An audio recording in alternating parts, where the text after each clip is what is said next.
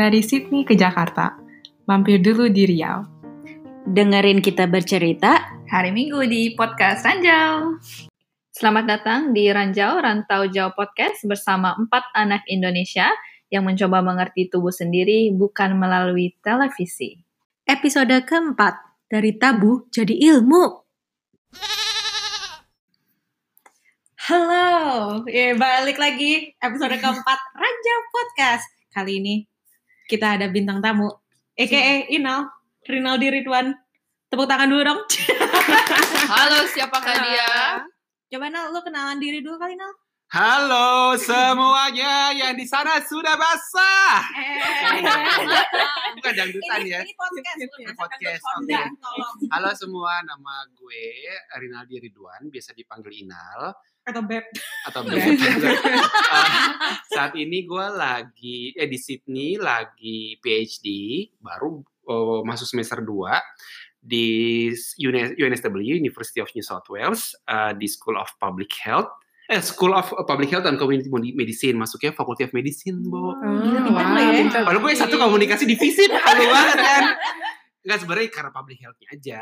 Tapi riset gue, eh, riset PhD gue tentang pendidikan eh, kesehatan reproduksi di Indonesia, aka pendidikan seksualitas di Indonesia. Menarik. Gitu. Dan ini Hmm. juga kenapa kita membawa Inal, aka the expert, karena kita akan Kagak, ya ilah Ya, baru hampir jadi mulai. expert. Maksudnya kan dengan pengalaman kerja lo, Ya terus bisa kayak lah, tapi lo. belum. Gue nggak tahu sih semakin gue belajar, gue semakin menyadari gue tuh jauh dari expert. gitu. Gak tahu ya gue kalau baca literatur kayak ya Allah gue kayaknya masih taunya cuma seujung Identity crisis Ah, ah, ya, Iya. sama kok kita juga. Nah, karena episode ini kita akan ngomongin tentang sexual education di luar negeri atau Australia contohnya Iya. uh, versus lah. Indonesia. Mm-mm. Nah, pertama kali lu terekspos dengan sexual education di sekolah tuh kapan sih? Is that Um, even iya. exist? Nah, itu dia Pertanyaan bagus. kalau kalau gua, Hmm. gua tuh awalnya uh, pas kelas 1 SMP. Di mana? Dulu gue di Ozone 109, SMP 109 Jakarta, karena tiba-tiba guru BK gue, pokoknya ngumpulin semua anak yang di angkatan gue, Hmm. itu tiba-tiba didatengin orang HIV positif. Jadi lagi kayak, um, iya wawasan Semua. bahaya AIDS, terus kayak gimana cara ya um, lo ber apa ya berkomunikasi dengan atau misalkan ya hangout dengan orang HIV plus tuh gimana gitu. Hmm. Terus kayak gue inget banget awal tuh kayak oke AIDS gue tau berbahaya, pokoknya ada video-video menakutkan gitu kan dengan apa mungkin lo um, apa sih kayak unprotected sex atau misalkan kayak apa ya same sexual sex gitu-gitu. Mhm. Terus gue dengan polosnya karena gue nggak punya exposure apa-apa kan gue cuma nanya um, HIV itu itu karena pakai kondom apa enggak sih? Terus gue diketawain sama angkatan. Terus sedih dan ba- basically ya, that was my first experience with sexual education and it wasn't a pleasant one. Even kelas biologi kan nggak bahas itu kan lo bahas sel, belum bahas kayak organ tubuh. Tapi ya udah. Hmm. Um, kalau aku sih kan aku dari sini dari kecil ya. Hmm. Kita sex education udah dari kelas 6 SD, kelas 5, kelas 5, kelas 6 SD, because that's when we start puberty, Hmm. kan. Jadi um, itu tuh open banget, it's actually a subject. Kayak Hmm. kalau kamu kan emang ada kayak orang dateng, Ah. kayak kasih lecture. Kalau kita tuh we actually spend like a month with like actual Hmm. subject. Di Um, dalam pelajaran apa? Pelajaran PD, PDHPE namanya. Apa tuh? Personal Uh, development, health and physical education. Yeah. Itu stand alone subject. Iya. Uh, it's part of the yeah a standalone subject. It's just you know they treat it like maths, English. It's just a subject. Jadi ada assignmentnya, ada Gak boleh um, praktek tapi ada, kan. Iya. Nah, ah, sebenarnya kenapa Ken? sorry kenapa gue motong karena kan yang eh, kalau kita ngomong pendidikan seksualitas itu nam- namanya macam-macam ada pendidikan kesehatan reproduksi, ada Hmm. pendidikan tentang respectful re- eh, Relationship. relationship, Iya. ada pendidikan eh, kesejahteraan keluarga gitu Iya. macam-macam kan namanya. Nah, yang jadi isunya adalah eh, bagaimana itu dimasukkan ke dalam kurikulum sekolah kan. Mm-mm. Ada yang stand alone subject. Ya misalnya kalau di Hmm. Indonesia ya misalnya pendidikan kayak biologi khusus Hmm, stand alone gitu iya. kan. Ada juga yang diselip-selipin ke dalam intrakurikulum misalnya diselip, Hmm. dititipin ke biologi, dititipin ke agama, dititipin ke keluarga negaraan atau Hmm. olahraga. Tapi kalau di Iya. Australia sendiri. Sendiri namanya PDHPE. Waktu ya PDHPE ada physical exercise juga gitu where we Ah. do physical exercise juga ada tentang apa namanya mental health lah, tentang drugs lah. It's just all about um, development and your health. Like, Yeah, so dari it's all about 5 6 that. SD ya. Yeah, so it's always been there since um yeah, aku datang ke sini kan kelas 4 SD. So since I started school here, um it's always been there. It's always the subject PDHPE.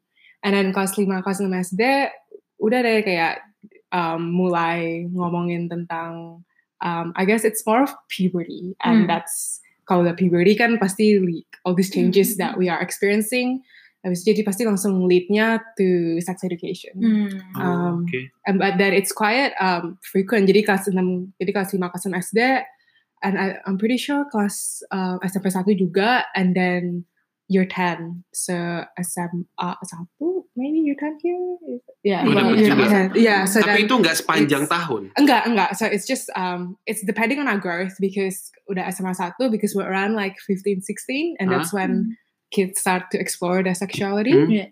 So then that's when they talk about more about sex education Hmm. and um, contraception and things like that. Oh, SMP yeah, udah kayak bahas kondom gitu-gitu, Oh, gitu. uh, Hmm. pill and things like that. And it's yeah, it's a national subject again. So assignments. And Nah, national Yeah. apa maksudnya uh, itu subjek di uh, New South Wales atau It should Australia? be throughout Australia. Oh, Oh, oke. nasional. Yeah. Oh, udah se itu ya. Mm-mm. Advance ya. advance dan Hmm. maksudnya ada nggak resistensi gitu misalnya dari orang tua yang kok anakku gue diajarin Mm, no. beginian gitu Um, enggak. And I went to Catholic school. And Nah, iya, nah. yeah, enggak. It's just part of the um, part of the subject because I think it's also aligning with apa namanya what we are going through, Mm. also in terms of growing up, Hmm. and Iya. um, yeah, and Ya- then how we. yang um, ngajar go through siapa. The PDHP teacher, like there's actually PDHP teacher. jadi gitu. PDHP teacher itu guru yang bisa ser- kayak guru BK bisa ser- uh, se- uh, segala macam topik gitu Iya, iya. Yeah, uh-uh. the within physical health development, not just. Ah sex gitu. ya. PDHP teacher ini biasanya backgroundnya apa? Be- uh, counseling atau Uh, health education? No, health education probably, Health, and iya. yeah, Atau kayak Oh. physical Teaching. education Uh, yang benar-benar iya. yang buat ngajarin sport tuh ada yang khusus. Atau tapi lulusan ya, buat kesehatan masyarakat gitu ya? ya, kayak dia kayak health batch- promotion ya, gitu. Master of teaching sih. kalau yeah, they would still bachelor. need a, a teaching degree. Iya kan lo harus Oh. punya teacher Iya. certificate untuk Iya. bisa praktis kan. Yeah, Oh jadi maksudnya ini bukan guru yang kayak yang uh, tradi- bukan tradisional, ya, maksudnya yang biasa kayak biologi, fisika, kimia, matematika gitu. Ini beda guru yang paham, yang bisa mengajarkan tentang kesehatan yeah. secara umum. There's in high school, it's that. You know. Oh, Iya, Yeah. iya, iya, iya. iya. Lu kapan well? Gue ya. Ini kita cuma kayak belajar IPA, belajar tentang gimana bayi terbentuk, tapi kayak skip di sex educationnya gitu. Hmm. Karena seinget gue nggak pernah diajarin Iya. kayak gitu di sekolah, nggak pernah. Lu no? Lu uh, SMP di mana? SMP di SMP Singkawang. sekolah. Hah? Singkawang. Singkawang, oh nggak ada, Oh, oke. Hmm. Kalau gue, buat uh, background ya, gue SMP itu tahun 2000 sampai 2002. Hmm. SMA 2002 sampai 2005. Hmm. Yang gue ingat sih dulu pas pelajaran biologi ada tuh kayak sistem reproduksi, yang sistem reproduksi binatang, manusia segala macam Hmm. pembuahan. Tapi ya teknis yang sains banget gitu, maksudnya Iya. bukan yang bagaimana manusia secara sosial gimana gitu. Iya, iya. Seingat gue sih itu dulu pas biologi ada. Tapi em, dulu dulu tuh ada juga tuh pas gue SD eh, dan juga SMP ada pelajaran geografi. Ada kayak yang namanya konsep catur warga. Keluarga itu tuh terdiri dari misalnya Eh, itu ini- geografi ya cuy? itu geografi apa IPS gitu lah ya. Iya. Keluarga ideal terdiri dari empat ibu, ayah, dan dua orang anak. Karena kan gencar-gencar orde baru kan Hmm. ya keluarga itu idealnya dua kan. Iya, anaknya kan. anak lo banyak ya. Nah, nah, terus dulu juga di pelajaran geografi itu ada kayak semacam uh, kebijakan populasi Indonesia pronatalis pro, uh, yang pronatalis itu pro kelahiran gitu Uh, karena Iya, itu ada negara yang rakyatnya sedikit jadi uh, di, digencarkan supaya rakyatnya beranak sebanyak-banyak mungkin gitu kan. Iya. Ada juga yang anti natalis gitu jadi mulai dibatasi gitu kan. Hmm. Tuh gue inget tuh kayak gitu. Jadi uh, tapi maksudnya um, tapi setelah gue mempelajari bagaimana seharusnya pendidikan seksualitas atau pendidikan kesehatan reproduksi diajarkan itu kayak minim banget ya. Maksudnya Hmm. nggak nggak menurut gue sih nggak yang orang ngeh kalau ternyata itu tuh sesuatu yang uh, penting gitu. Maksudnya kan idealnya pendidikan seksualitas juga mengenal tubuh. Mengenal tubuh ada sih di biologi, tapi juga kayak uh, ya udah angin lalu aja gitu. Iya. Tabuh nggak sih di Indo kayaknya? Masih tabuh kan ya kalau ngomongin. Eh, gini deh itu tahun segitu kan tahun sekarang Hmm. aja mis- misalnya ada sekolah yang mulai ngajarin itu dengan kurikulum tersendiri gitu ya Hmm. Eh, ny- eh, nyebutin alat-alat organ fit apa olah organ kelamin manusia minta disensor sama itu Terus Hmm. guru-guru juga bingung, nah kalau disensor terus gue ngaj- ngajarin apa Iya, gitu iya. maksudnya Iya. anunya itunya apa gitu. Soalnya gue gua kan kemarin kan sempat uh, melakukan penelitian kan Hmm. uh, awal 2019 tentang pendidikan kesehatan reproduksi di Indonesia di tiga provinsi. Hmm. Memang resistensinya banyak sih. Maksudnya kayak ada uh, apa namanya ada yang mungkin dari guru atau siswa atau orang tua yang kayak, "Aduh ja- gambarnya jangan terlalu vulgar dong kalau misal gambar alat kelamin, misal gambar penis atau vagina Hmm. gede-gede gitu segala macam, jangan terlalu vulgar." Habis itu juga udah di, di, di- diperhalus. Terus akhirnya setelah disensor guru-guru pada bingung nih gue mesti ngajarin apa gitu Hmm, karena Iya, iya. ya ya misalnya ngajarin penis tapi penisnya disensor gimana? Iya. Iya, tapi ya nggak tahu sih. Tapi em, banyak sih tantangan. Tapi kalau di- dibahas, Hmm. dijembreng panjang kali ya. Jadi Iya. kita ngobrolnya mengalir aja deh. Nah, terus kayak gue ngerasa banget sih kan em, waktu kecil aja tuh waktu ke bioskop ya secara keluarga lo ngeliat adegan ciuman aja nyokap tuh bakal ngedutupin Tutup mata mata, kayak iya. eh Iya, jangan iya, jangan." iya, dan iya, abis itu iya. tiba-tiba lo kayak ada puberty terus Hmm. udah kayak misalkan lo dapat menstruasi pertama kali Mm. Hmm. gue tuh nggak tahu gitu loh harus ngapain jadi lebih kayak panik dan bukannya apa ya gue nggak punya di apa lingkungan yang menyiapkan gue kayak oh dengan umur segini lo harus expect gini gini gini akan Hmm. perubahan terhadap tubuh lo jadi Iya. gue juga anaknya lost gitu loh dan sama gue juga nggak ada nggak ada yang kasih tahu misalnya tiba-tiba kayak gue mens pertama gue masih ingat kayak rok gue basah Mm-mm. merah dan emak gue bilang dan bilang "Udah, hari Senin karena semuanya hari Kamis putih dan itu Oh. putih juga Putih, rok atasnya putih batik. iya iya terus habis itu Hmm. hmm.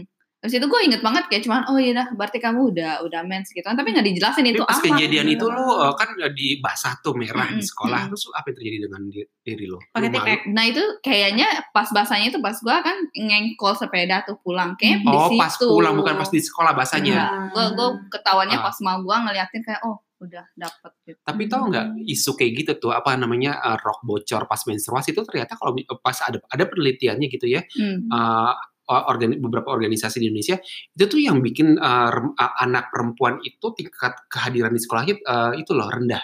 oh Ternyata tuh it's a big Hmm. issue. Maksudnya kan kita mikir mungkin uh, kalau misal pas dulu oh anak perempuan mens terus diketawain gitu kan. Ternyata uh, riset menunjukkan apa namanya uh, kalau sekolah yang nggak membekali remaja perempuan misal dengan menstruasi misalnya nyediain WC khusus atau Hmm. tempat sampah Iya, simpan iya, tempat iya. sampah khusus pembalut atau pembalut uh, apa namanya cadangan gitu ya. Itu ternyata uh, ternyata penelitian nunjukin bahwa itu mem- membuat remaja perempuan itu jadi banyak yang bolos terus karena dibully jadi ngerasa uh, di uh, apa namanya dipermalukan. Iya. Terus akhirnya ber- uh, berpengaruh ke kehadiran ke kesehatan mental dan juga berprestasi. Dan ternyata itu a big issue jadi maksudnya kalau kita ngomong pendidikan seks gitu ya oke tapi juga hal-hal basic yang yang Iya. pubertas itu ternyata itu sangat mempengaruhi remaja perempuan gue baru baca penelitiannya di satu organisasi di di Indonesia Timur bahwa misalnya sekolah bisa as simple as menyediakan uh, apa namanya uh, keran yang bersih tempat sampah Hmm. itu tuh bisa meningkatkan kehadiran anak remaja perempuan di sekolah Hmm. gitu. Tapi kita mungkin selama ini mikirnya ah apa sih Iya. menstruasi gitu ternyata itu it's, udah it's a big issue dan uh, sekarang tuh ada yang namanya konsep uh, manajemen kebersihan menstruasi oh dan udah mulai digalakan di sekolah gitu. Jadi bahwa sekolah itu harus responsif terhadap kebutuhan remaja perempuan gitu kan. Hmm. Tapi juga nggak cuma sekolah tapi juga bagaimana remaja laki-laki itu bisa paham tentang kebutuhan remaja perempuan dan nggak ngebully Iya. Dan nggak That's ngebully remaja perempuan yang bo- bocor Yeah. tiba-tiba ih roknya merah bocor gitu dan Iya. itu udah mulai di apa namanya digalakin Oh, gitu. iya. That's interesting. Hmm. Karena gue cuman inget dulu kalau teman-teman gue dapet dan gue belum dapet tuh gue cuman kayak ah ini gimana sih rasanya tiba-tiba dia kayak eh gue harus ke UKS nih sakit Hmm. atau Iya, apa iya. lagi Hmm. ada Hmm. perutnya lagi Oke. ada petir pokoknya gue nggak pernah bisa ngebayangin terus Iya, iya. cuman kalau kayak di bawah meja gitu pada kasih kasih eh ini roti Jepang roti Jepang kodenya kan itu kan Iya, terus kayak ya udah pas gue going through that kayak gue inget banget gue dapet itu setelah pensi karena waktu itu lagi tiba-tiba kita perform 10 to 5 terus tuh kayak pas ke kamar mandi kayak ini apaan terus gue langsung nanya nyokap gue karena gue nggak ada nggak nggak tahu harus ngomong ke siapa Iya, karena iya. ya gitu gue nggak ngerasa aman untuk tanya ke orang Hmm. lain apalagi ke guru gue gitu kan Iya. dulu paling tugasnya gurunya siapa kayak guru biologi nggak juga terus Iya. kayak um, apa PMI ya apa PMR. PMR itu Palang nggak Merah juga Remaja. kan Iya. gue dulu PMR SMP cuma suruh bikin itu apa tandu. Tandu, iya. tandu ya iya yang buru-buru lempar bambu terus kayak iket-iket kayak Iya, Pirates of iya. Caribbean iya kayak gue nggak Iya. tahu BK cuman ngedisiplin anak-anak bandel Hmm. Yeah, but um, for me, uh, udah part of education sih. So maybe around yeah year five, year six gitu. Um, terus lo ngomongin itu gak sih sama teman-teman lo gitu kayak yang apa yang dibahas tentang uh, perubahan tubuh yang mungkin sama-sama dirasakan atau um, no, actually, like we, because I think it's just new gitu, and then Hmm. we're just learning about it. I mean, yeah, we do have kayak class discussion and things. Tapi kalau misalnya ya lagi hanging out with my friends, Hmm. you wouldn't talk about it. And then like, I went to a co at school. Jadi ada Hmm. cowok-cowok Yeah, kan. yeah. So it's like get together in a class and um, we would have apa um, sex education like together. But then I think everyone's kind of like embarrassed talking about it Hmm. with themselves gitu. Tapi but I've been pretty lucky because I have two older sisters Iya. and I'm the youngest. Jadi tuh ya gampang aja langsung bisa nanya Hmm. mereka gitu kalau misalnya um, kalau misalnya aku udah dapet dan when I got my period and things and Iya. maybe they would have an interesting perspectives because mereka masih di Indo dulu Mhm. waktu mereka dapetnya atau eh, mereka kan SMP-nya di Iya. Indo gitu ya. Iya sih. Dan apa nggak tahu ya gue baru ngobrol sama temen gue tadi kayak beberapa jam lalu. Kita lagi ngomongin kayak di India tuh kan uh, gang rape atau misalkan lu naik bis Hmm. aja uh, sebagai perempuan sendiri tuh udah nggak aman banget apalagi Yeah. di kota-kota gede. Karena um, ya udah kayak men are out of control apparently in her words. Dan um, dia bilang iya ujung-ujungnya tuh gue nyalahin kurikulum sekolah karena nggak ada sex ed jadi tuh Hmm. kayak cowok tuh juga jadi kayak pada pervert gitu-gitu Iya. terus Iya, iya. Ya. I don't know, would you agree with that? Kayak konsekuensinya separah itukah dan um, di Indonesia juga jadi kayak gitu kan orang-orang pada kayak iya kita tuh gak ada yang dijelasin jadi kayak orang-orang nontonnya lewat porn atau lewat apa lah Iya, iya. sumber-sumber yang ilegal. Iya, gue nggak tahu sih mungkin nggak tahu penelitiannya gimana. Cuman gue sendiri ngerasa kayak kalaupun sex ed ini misalnya nggak diajarin, misalnya ditutup-tutupin itu nggak menutup kita manusia tuh untuk mengeksplor diri sendiri kan. Iya, Maksudnya iya. kayak akhirnya kita jadi penasaran cari ke tempat lain yang mungkin informasinya nggak benar dan kita salah Hmm. gitu kan. Ya. Gitu sih. Eh, ada yang pendapat lain? Eh, eh, Expertnya lagi sih- lagi dengerin dulu. Enggak kalau gue sih ngomongin apa sumber informasi ya emang apa namanya kayak da- dulu kan sebelum ada internet kalau nyari informasi tentang seks paling dari apa namanya dari majalah majalah kayak Intisari atau majalah Intisari mah ada ada ada kolom dokter Iya, Nick iya, iya. Tobing atau dokter Boyko iya, dokter iya. Boyko tapi Iya. tapi kan seks itu kan seks yang seks seks seks literal seks ya hubungan seks ya kayak ya couples gitu kan. Iya kan, sementara Hmm. kalau kita bicara pendidikan seksualitas atau pendidikan kesehatan reproduksi apa pun namanya itu ya, ya emang sebenarnya eh, itu harusnya diberikannya bertahap gitu dari mulai eh, emang eh, mulai dari se- dari manusia eh, kecil gitu, misal dari eh, eh, apa namanya anak balita dikenalin eh, apa namanya ini tubuhku, eh, nama-nama ini ini penis, ini vagina, ini bagaimana cara membersihkannya, siapa yang boleh Hmm. melihat dan siapa Hmm. tidak boleh dan bagaimana cara menolak itu kan basic kan dari Iya. itu dan uh, dari uh, uh, dari sedini mungkin gitu. Nah pas udah itu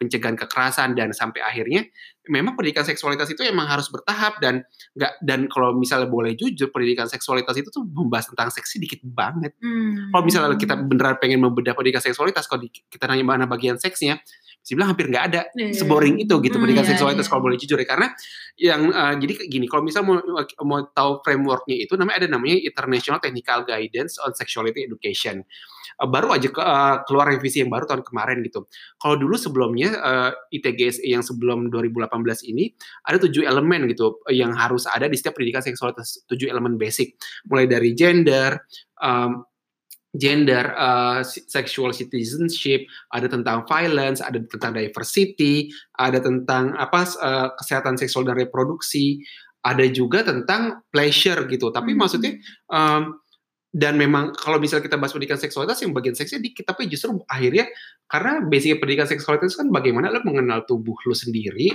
uh, awalnya kan dari mengenal tubuh lo sendiri dan bagaimana berinteraksi dengan orang lain dan sampai akhirnya ketika lo dewasa ya lo tahu bagaimana apa Hmm. namanya um, how how to do with your body kan Iya. Uh, dan memang uh, itu tu- tujuan akhirnya memang um, supaya meng- mengempower bagaimana setiap individu itu bisa apa namanya mem- membuat pilihan-pilihan yang uh, be- berdasarkan informed choice terkait dengan Ya, tubuhnya ya. gitu kapan memutuskan mau punya anak apa Hmm, namanya berapa ya. anak yang mau dipunya Ya. apakah memutuskan tidak punya anak which is fine gitu Iya.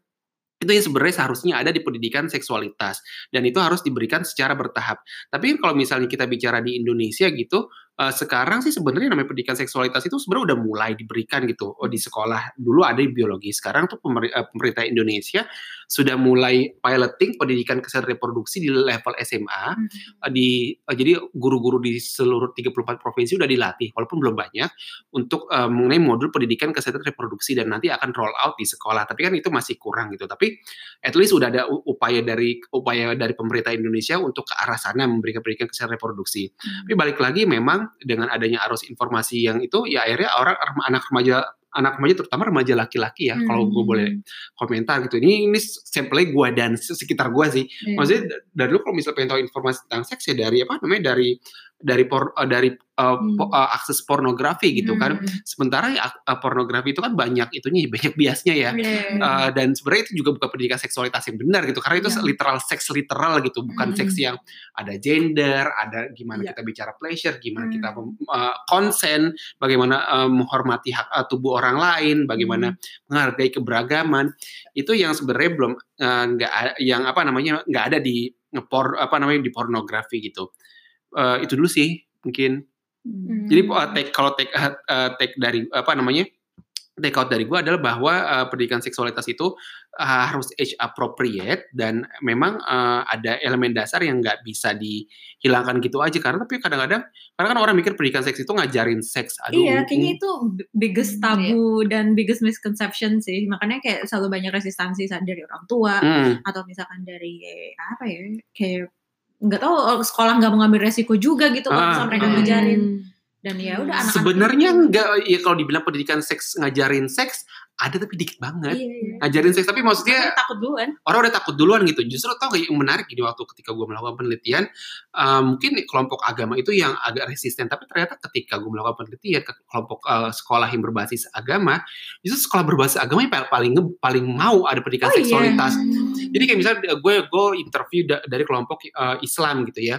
Uh, menurut ibu ibu setuju nggak dengan pendidikan kesehatan reproduksi atau pendidikan seks? Setuju karena di Islam itu tuh ada uh, remaja itu anak-anak harus tahu yang namanya konsep pubertas karena di Islam diajarin bagaimana apa namanya istinja apa namanya hmm. membersihkan diri dari najis dan uh, mimpi basah menstruasi hmm. itu ada sebenarnya oke dari kelompok Islam udah sebenarnya uh, ada itu yeah. dia diajarkan gitu malah, malah ada namanya fikul nisa fikih perempuan hmm. bagaimana ya seharusnya uh, masa terkait dengan seksualitas dan reproduksi di kelompok Hindu uh, itu pun juga gue wawancara dari Parisada Hidu, Hidu Dharma, mereka pada dasarnya nggak ada yang keberatan gitu, hmm. karena mereka bilang ya karena manusia itu kalau di, di Hindu itu konsepnya kan ada tahapan hidupnya ya, yeah. sampai akhirnya nanti berkeluarga. Nah ketika masih remaja mereka dipersiapkan untuk membentuk keluarga. Nah ya dari situ bisa lah masuk uh, konsep bagaimana merencanakan keluarga yang baik gitu, hmm. yang yang benar ya hmm. dari ya apa namanya mengenal mengenal satu sama lain sampai akhirnya ya membentuk keluarga itu sebenarnya hmm. dari kelompok agama ada apa namanya nggak resisten sebenarnya nggak resisten gitu karena yeah. semuanya menyadari ada kebutuhannya dan di ajaran agama pun diajarkan gitu. Mm-hmm. Mungkin karena asumsi kita yang menganggap bahwa oh mungkin karena uh, apa nanti bertentangan dengan agama ternyata nggak yeah, juga. Iya,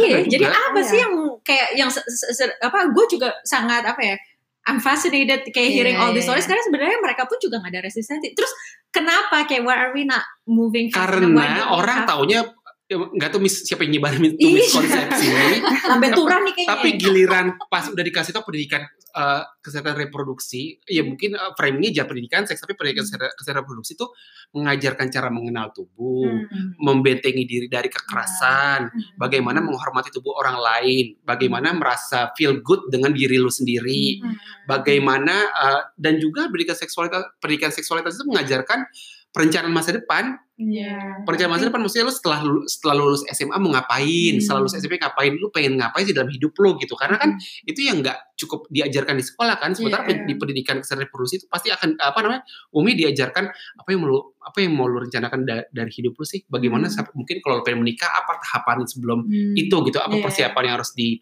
harus ada gitu.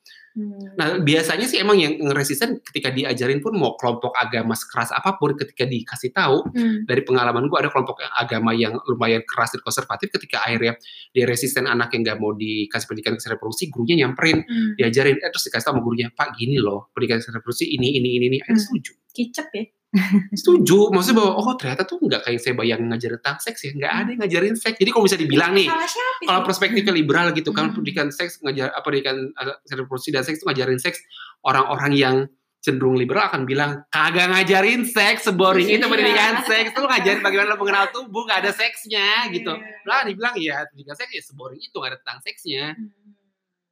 Hmm. Terus kayak kalau misalkan sekarang kayak menurut gue kan Indonesia udah mulai ke jalur yang udah mulai mengerti gitu akan kepentingannya ngajarin sex education di sekolah. Nah, tapi kan belum sampai 100% di situ. Ya, dia ada bulan Ada ambulan. Tapi gue Emang pikiran jalan raya nih tinggalnya tinggal di ya, di gang di gang. Nah, kalau orang buat pengen belajar lebih lanjut atau ingin tahu atau eh, misalkan website-website yang bagus di Indonesia untuk belajar. ada nggak Nal? gue promo dong jadinya kalau gitu jadi gini tolong jadi gini Eh, Semangat yang Iklan-iklan. kayak gini kan sebenarnya kalau pendidikan seks itu yang idealnya itu memang di sekolah kan karena ya tingkat apa namanya enrollment apa sih ting- eh, tingkat apa sih enroll Pendaftaran. eh, ti- tingkat eh, remaja anak orang Indonesia bersekolah kan semakin lama semakin tinggi kan Iya, 90% makin iya. tinggi gitu kan Iya. tempat paling strategis untuk itu ya di sekolah gitu nah memang idealnya ini diadakan di sekolah tapi kan sekarang kondisinya belum semua sekolah mampu menyediakan itu kan Iya. ya sekarang sebenarnya kalau misalnya itu gue gue gue tahun gue gue masih gue lagi ngerjain paper gue mau manus sapin manuskrip gue Hmm. memetakan eh, intervensi-intervensi digital Mm-mm. apa intervensi ya program-program in- eh, digit- eh, di internet di eh, internet yang menyasar ke remaja terkait dengan sexuality education Nah, di Indonesia ada lu 30-an Hmm. sebanyak itu jadi maksudnya dia udah kayak maksudnya udah banyak yang yang mau orang-orang yang nyediain informasi terkait dengan seksualitas online mulai Hmm. dari yang targetnya remaja marginal kayak Hmm. remaja eh, LGBT remaja eh, apa namanya remaja yang udah eh, apa namanya sudah seks, aktif secara seksual tuh ada. Hmm. buat remaja yang nggak pernah coba-coba ada. Mm-mm. buat remaja yang nggak yang masih lurus banget ada. Itu ada semuanya gitu online gitu. Uh, dan ya itu sekarang gue lagi uh, apa lagi lagi, lagi nulis papernya mudah-mudahan bisa publish uh, cepet ya. Jadi ada ada tiga puluhan intervensi terkait dengan itu. Nah yang gue kembangin dulu gue pernah buat nih. Ya. Podcast, promo this dong podcast is sponsored by Rinaldi Ridwan. coba cari aja sobat AE, uh, sobat ask.net sobat as.net dulu tuh gue ngembangin portal itu 2014 sampai 2015 waktu gue masih Hmm. uh, di Indonesia um, apa namanya itu emang targetnya memang untuk remaja uh, uh, remaja yang bukan apa ya remaja yang emang pengen tahu dan yang udah keburu Hmm. yang udah keburu apa namanya yang udah keburu coba-coba gitu Oh. karena kan prinsipnya gini ada remaja yang lurus itu yang populasi terbesar Hmm. ada remaja yang udah keburu coba-coba ya makanya karena nggak dikasih pendidikan seksualitas Iya, makanya jadi keburu coba-coba kan Hmm. tapi kan kita juga nggak bisa eh, meng- apa namanya eh, nggak bisa menghalangi remaja yang udah keburu coba-coba yang udah keburu coba-coba untuk jadi lurus lagi itu susah dong karena kan udah tahu kan Iya. jadi maksudnya ya remaja udah keburu coba-coba ini di apa ya ibaratnya harm reduction lah supaya Hmm. jangan eh, keba- kebablasannya nggak usah jauh-jauh ja- jangan jauh-jauh banget Atau gitu kalau misalnya doing it, doing it right kayak Mm-mm. iya, tahu konsekuensi. gue ngerasa ada kayak kata kayak menyimpang itu harusnya kita nggak pakai nggak sih kayaknya kalau dicap seorang apa, anak remaja yang menyimpang jadinya tuh kayak ya coba-coba Iya. terus dia ngerasa salah gitu kan Iya. padahal kan enggak gitu. Nah itu, nah itu, itu juga yang, eh, ya itu juga yang eh, harus dicamkan baik-baik oleh orang tua, pendidik, Hmm. tenaga kesehatan kayak dokter dan juga siapa pun yang membuat intervensi terkait pendidikan seksualitas. Karena sekali lu bilang nggak boleh, Mhm. Dilarang atau Hmm. bilang kamu abstinens aja, abstinens tidak melakukan hubungan Iya. seksual sama sekali, Hmm. remaja itu pasti ngejauh, Iya, langsung iya, ngejauh iya. gitu. Masa-masa rebel ya. Ah, ah, jadi maksudnya kalau misalnya kita bicara pendidikan seksualitas, ke, ya maksudnya kita bisa lihat ah, audiens ya kalau misalnya kita ngeliat remaja yang masih lurus, mungkin masih bisa diterima. Tapi maksudnya ketika lu ngebuat bilang kata-kata jangan atau tidak, lu udah membuat jarak dengan mereka kayak oh gue nggak mau dengar dari Hmm. dia gitu. Hmm. Maksudnya ya ketika kita bicara sama remaja tentang seksualitas ya eh, perspektifnya harus kita siap untuk mendengarkan masa lalu makanya itu brandingnya Hmm. eh, sobat as karena kamu tidak sendirian. Ah, gila nih. Bawa bintang tamu sekalian bawa sponsor. Sekalian nih. Sponsor perdana Tapi gue juga setelah dari Sobat As itu, gue, eh, itu kan so- Sobat As yang udah remaja yang sebenarnya target, eh, udah keburu coba-coba kan. Hmm. Gue eh, setelah 2000, eh, 2018, gue bikin yang lain lagi, Hmm. eh, namanya Dokter Gen Z, itu kerjasama dengan uh, HIPWI, itu targetnya remaja, jadi ternyata kita melihat, oke remaja yang udah coba-coba banyak, tapi Hmm. ternyata eh, re- eh, apa namanya segmen remaja yang belum coba-coba, tapi berpotensi jadi coba-coba itu belum ada yang garap. Hmm. Lu taunya dari mana tuh kayak berpotensi coba-coba? Iya, Maksudnya ah, tipe pertanyaan yang lu iya. sampai karena oh, oke jadi kategoritas ketika gue sebelum itu gue memetakan siapa aja yang udah buat intervensi targetnya siapa Hmm. dan banyak banget yang udah bikin intervensi targetnya remaja yang udah keburu coba-coba mm, tapi segmen remaja yang belum pernah coba-coba ini either garing maksudnya Hmm. kayak eh, garing dan judgmental atau ya either garing atau judgmental tapi maksudnya belum ada yang membuat yang buat remaja yang masih lurus ini supaya di- digawangin supaya Hmm. jangan kebablasan Hmm. gitu.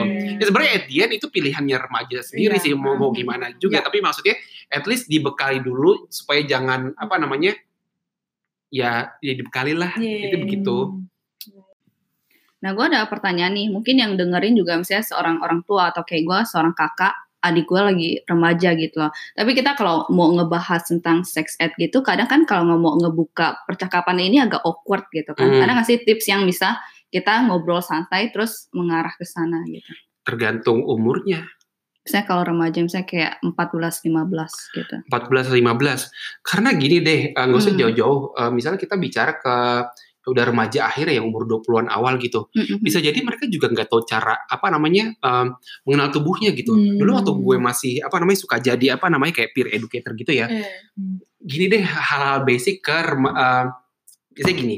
Misalnya di eh, even di remaja yang umurnya masih 20-an awal. Hal basic ada pertanyaan gini pernah nggak lo yang perempuan atau laki ya laki-laki atau perempuan bercermin ngelihat alat kelamin kalian di cermin hmm. pernah nggak hampir yang laki-laki pasti pasti pernah ngeliatin itu tapi yang giliran perempuan pernah nggak lu di, di ka- apa namanya melihat vagina lu sendiri di kaca ngelihatin setiap apa namanya guratan dan setiap sudutnya Hmm. pernah nggak nggak pernah ngapain malu segala macem Hmm. Eh, gi, segala macam padahal kan itu penting maksudnya itu bag- bagian tubuh yang lu perlu tahu sendiri bentuknya seperti apa. Kan bentuknya macam-macam tuh vagina. Tapi banyak yang ternyata oh gue nggak pernah lihat vagina gue sendiri. Terus habis itu akhirnya baliknya lu lihat vagina lu sendiri di rumah. Habis itu ntar lu cerita ada pengalaman lu ngeliat vagina lu sendiri kayak gimana? Hmm. ya udah terus akhirnya ya udah pas lihat oh iya ya ternyata gue nggak pernah ngeliat vagina gue sendiri kayak gini bentuknya. Kan kalau misalnya cowok-cowok mungkin eh, ya paling kalau karena cowok-cowok tuh biasa paling ah punya gue suka dibanding-bandingin punya cowok Hmm. Ya, kan biasanya di cowok kan Iya. pasti biasa di setiap angkatan ada yang, yang paling terkenal paling gede, yang terkenal aneh gitu. Iya, lu coba cek di kelompok cowok-cowok tuh pasti ada satu orang yang terkenal deh. Iya. Tapi kalau di perempuan vagina pernah nggak lo ngacain sendiri vagina lo bentuknya kayak gimana? Hmm. Rata-rata nggak. Nah maksudnya hal-hal basic mulai dari tanya dulu lo pernah nggak ngeliat bentuk vagina lo tuh kayak Iya. gimana gitu. Hmm. Se- se- Setelah disadar apa namanya setelah tahu oh ternyata bentuk vagina gue oke siap nggak eh, kita ngobrol lebih lanjut bagaimana mengenal tubuh lu sendiri. Jadi maksudnya jangan langsung ngomong gimana cara mencegah seksual apa aktivitas seksual nggak aman, gimana cara Hmm. mencegah yang apa namanya yang enak-enak itulah ya. Tapi maksudnya Iya. dari hal basic dulu deh, tahu kan tahu tubuh lu sendiri dulu gitu. Gini gue tanya kalau bertiga, lu pernah nggak ngacain vagina lu sendiri? kagak Jujur kagak nggak juga pernah. sih ya Nah, nah. Coba lu ngacain dulu lihat vagina lu sendiri di cermin. Oh kayak bentuknya begini ternyata ya. Hmm, tuh Benar. kan, maksudnya lu nanya pengen ngomong ke Iya, adek lu iya. ngomong tentang seks, lu aja sendiri gak pernah bentuk bentuk lu sendiri kan. kenapa sih itu penting kayak maksud gue em, apakah biar kita bisa lebih nerima tubuh kita dengan apa adanya Lah, jadi ya lo- lebih nyaman atau lebih Ya pede? sebelum lu ke orang lain, sebelum lu ngomongin aktivitas seksual atau apa, ya kan lu maksudnya lu berawal, semua kan berawal dari diri sendiri. Iya. Dari pendidikan seksualitas semua kan di awal alurnya juga semua dunia berawal dari saya gitu. Iya. Bagaimana saya Hmm. mengenal tubuh eh, org- ada organ reproduksi, ada organ seksual. Hmm. Organ reproduksi ya apa namanya ovarium, vagina. Hmm. Organ seksual seluruh bagian tubuh tuh organ seksual. Hmm. Dari ujung kepala sampai ujung kaki itu organ seksual bisa dipakai untuk Hmm. aktivitas seksual gitu. Iya. Dan setiap orang punya titik titiknya sendiri-sendiri, nggak cuma vagina atau penis atau payudara, semua orang punya titik-titiknya sendiri gitu. Nah, eh, ya itu, coba balik lagi sebelum apa namanya lo lo pernah nggak ngacain vagina lo sendiri gitu? Iya sih. Tuh, well, cara ngomong Terima ke kasih sobat-sobat Bapak Ina. Iya. Um, yeah, no, but this is interesting because ya kalau emang gak diasali, um, emang apa namanya, emang diajarnya begitu dari kayak tubuh kita sendiri. Habis itu, Hmm. that's why I think they break it up. So dari kelas 5, kelas 6, habis itu Hmm. kelas 1 SMP, habis sampai 1 SMA. And I think Hmm. it's because as well, I think when it was, you know, in year 10, they focus more on like, apa, like what, what is sex gitu Yeah. kan. Pasti selalu, apa namanya, at the end about safe sex. Because I think um, they don't want any unplanned preg- pregnancy. I think that's one thing.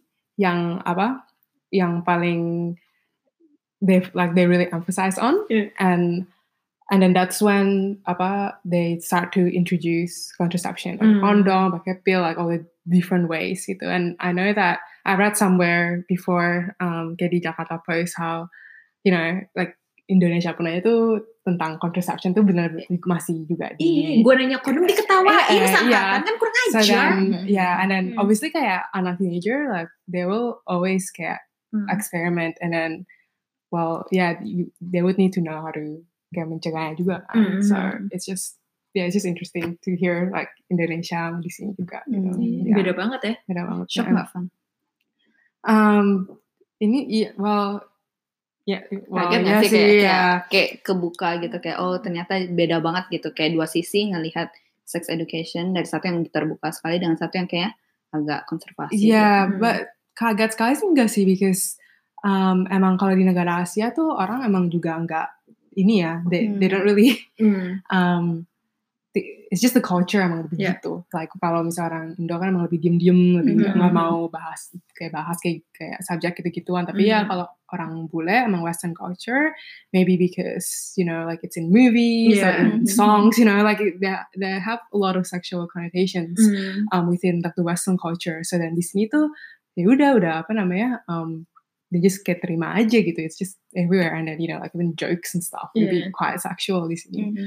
Um, and I think it's pretty common for parents ke orang bule kayak Mhm. orang bule parents itu actually ngomong sama anaknya kayak one on one Hmm. about like about sex. I never got it. Kalau dari I on- only learn about sex du- apa, Ke during sekolah. school. Ya, Iya. tapi kalau orang tua itu nggak pernah bahas Hmm. kayak gitu-gitu nggak pernah kayak Mhm. sit down actually have a talk Iya, gitu about it. iya. Um, enggak because yeah. Ya cultural Iya, issue juga cultural gak sih? juga. Maksudnya Iya. kayak even kayak mungkin lo ya kayak orang Indonesia udah tinggal luar negeri lebih apa lama banget itu tuh masih mungkin masih ada kayak apa ya hesitation mal, ap- eh, apa ya tiba lo nggak nggak bisa sebuka itu gitu Yeah. it's just culturally we don't talk about that stuff at all Iya sih. Iya. It's quite interesting. Mungkin menurut gue yang sejak apa ya tadi kita ngerekam episode ini yang menarik itu adalah ya progres pemerintah Indonesia untuk memperkenalkan itu dan sekarang udah sampai mana gitu loh dan gue pikir Hmm. ini tuh tipe-tipe mungkin orang yang di kota-kota besar yang punya apa ya um, exposure terhadap film-film asing atau misalkan um, untuk ngomongin tentang seks itu lebih terbuka tapi itu enggak ternyata di, di 34 provinsi gitu Mhm. um, menarik sih dan kayak kita gimana ya pak belajar mengikuti perkembangan ini tuh dari mana sih kayak ini diliput di media gitu nggak sih Nal? Apa? kayak apa pe- eh, upaya pemerintah untuk memperkenalkan seks ed atau mungkin baca di Twitter Kayak Gimana ya? Um, gini, um, gimana ya? Ngomong agak susah. Karena kan uh, uh, sebenarnya kita ngomong kita ngomong pendidikan seksual kan gini di Indonesia itu kan kalau misalnya kita salah ngomong dikit uh, Hmm. nanti di, bisa di printer media dan Hmm. netizen heboh lah segala macam ya. Hmm. Uh, sebenarnya ya ini pendidikan kesehatan reproduksi ini sudah mulai bergu- prosesnya udah lama bergulir karena pemerintah menyadari bahwa uh, apa namanya data udah baik jadi gini tahun 70-an 80-an kalau kita ada pe- peneliti ngasih data tentang kesehatan reproduksi dan seksualitas remaja Mhm. Dat- dan menunjukkan bahwa remaja Indonesia perilaku seksnya demikian demikian Hmm. yang disasar bukan datanya tapi penelitinya Oh. bahwa uh, lu sudah uh, apa namanya mengganggu ketertiban umum baik jadi pas Orde Baru pernah tuh ada peneliti yang meneliti tentang apa namanya perilaku remaja di kos-kosan dan ternyata udah banyak yang tinggal bareng nggak menikah. Bukannya di, di- bukannya ditindaklanjutin hasil temuannya malah penelitinya diancam. Hmm. Gitu. Iya. Tapi sekarang udah banyak pro itu tahun 70-an 80 pas Orde Baru. Hmm. Tapi sekarang pas udah reformasi justru eh, pemerintah sudah sangat berapa ya berproses jauh ke arah yang lebih baik. Sekarang ada yang namanya eh, apa namanya eh, survei dasar kesehatan eh, survei demografi survei demografi dan kesehatan Indonesia gitu Eh, tentang eh, ada tentang reproduksi remaja dan perilaku seksual remaja malah ada SD itu namanya SDKI Hmm. ada SDKI 2017 yang isinya khusus untuk kesehatan reproduksi remaja gitu Hmm. kayak apa namanya bagaimana pandangan remaja tentang seksualitas ada juga sedikit tentang perilaku seksual remaja itu ada Hmm. itu nah data nunjukin bahwa emang uh, sebenarnya kalau gue kutip datanya ya uh, data menunjukkan bahwa um, dalam lima tahun terakhir remaja yang apa sudah aktif secara seksual di usia remaja maksudnya usia belasan itu makin meningkat gitu. Hmm. Uh, sebenarnya kalau kalau bisa ngeliat data data data datanya itu akan terlihat uh, mungkin kelihatan statistik apa sih gitu kan angka-angka angka gitu. Hmm. Tapi data justru nunjukin bahwa perilaku seksual remaja itu justru malah apa namanya makin apa ya makin banyak remaja yang uh, meningkat uh, uh, perilaku seksual sebelum menikah Hmm. dan juga tapi juga pengetahuan remaja itu uh, semakin lama semakin tinggi gitu. Hmm. Nah, uh, it- itu ada data. Jadi kalau bisa cari survei dasar kesehatan, eh, survei demografi dan kesehatan Indonesia. Hmm. Ada juga namanya GSHS Global School Health Survey itu dirilis 2015.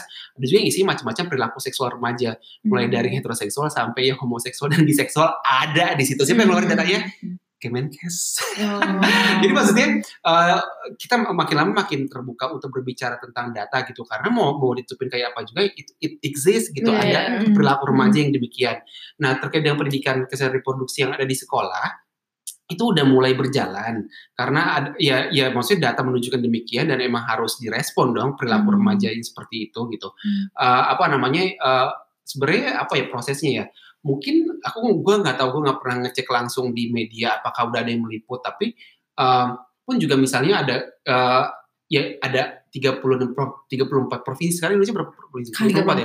34 34, 34. Iya, provinsi ada Hmm. ada dari tiap provinsi ada tiga guru yang dilatih ya kalau misalnya pengen nge- membuat suatu kehebohan sih harusnya heboh tapi Hmm. maksudnya guru-guru tuh habis dilatih ya udah mana-mana aja karena kan berarti memang pendidikan kesehatan reproduksi bukan ngajarin seks per se tapi ngajarin Hmm. tentang konsep diri bagaimana um, apa namanya uh, uh, apa menghargai diri sendiri sebelum menghargai orang lain Hmm. seperti itu jadi gue belum ngecek sih di media atau enggak ada apa enggak tapi maksudnya ini akan jadi bergulir ke, dari- ke kurikulum nasional Hmm. Iya. awalnya SMA ntar turun ke SMP dan SD Hmm.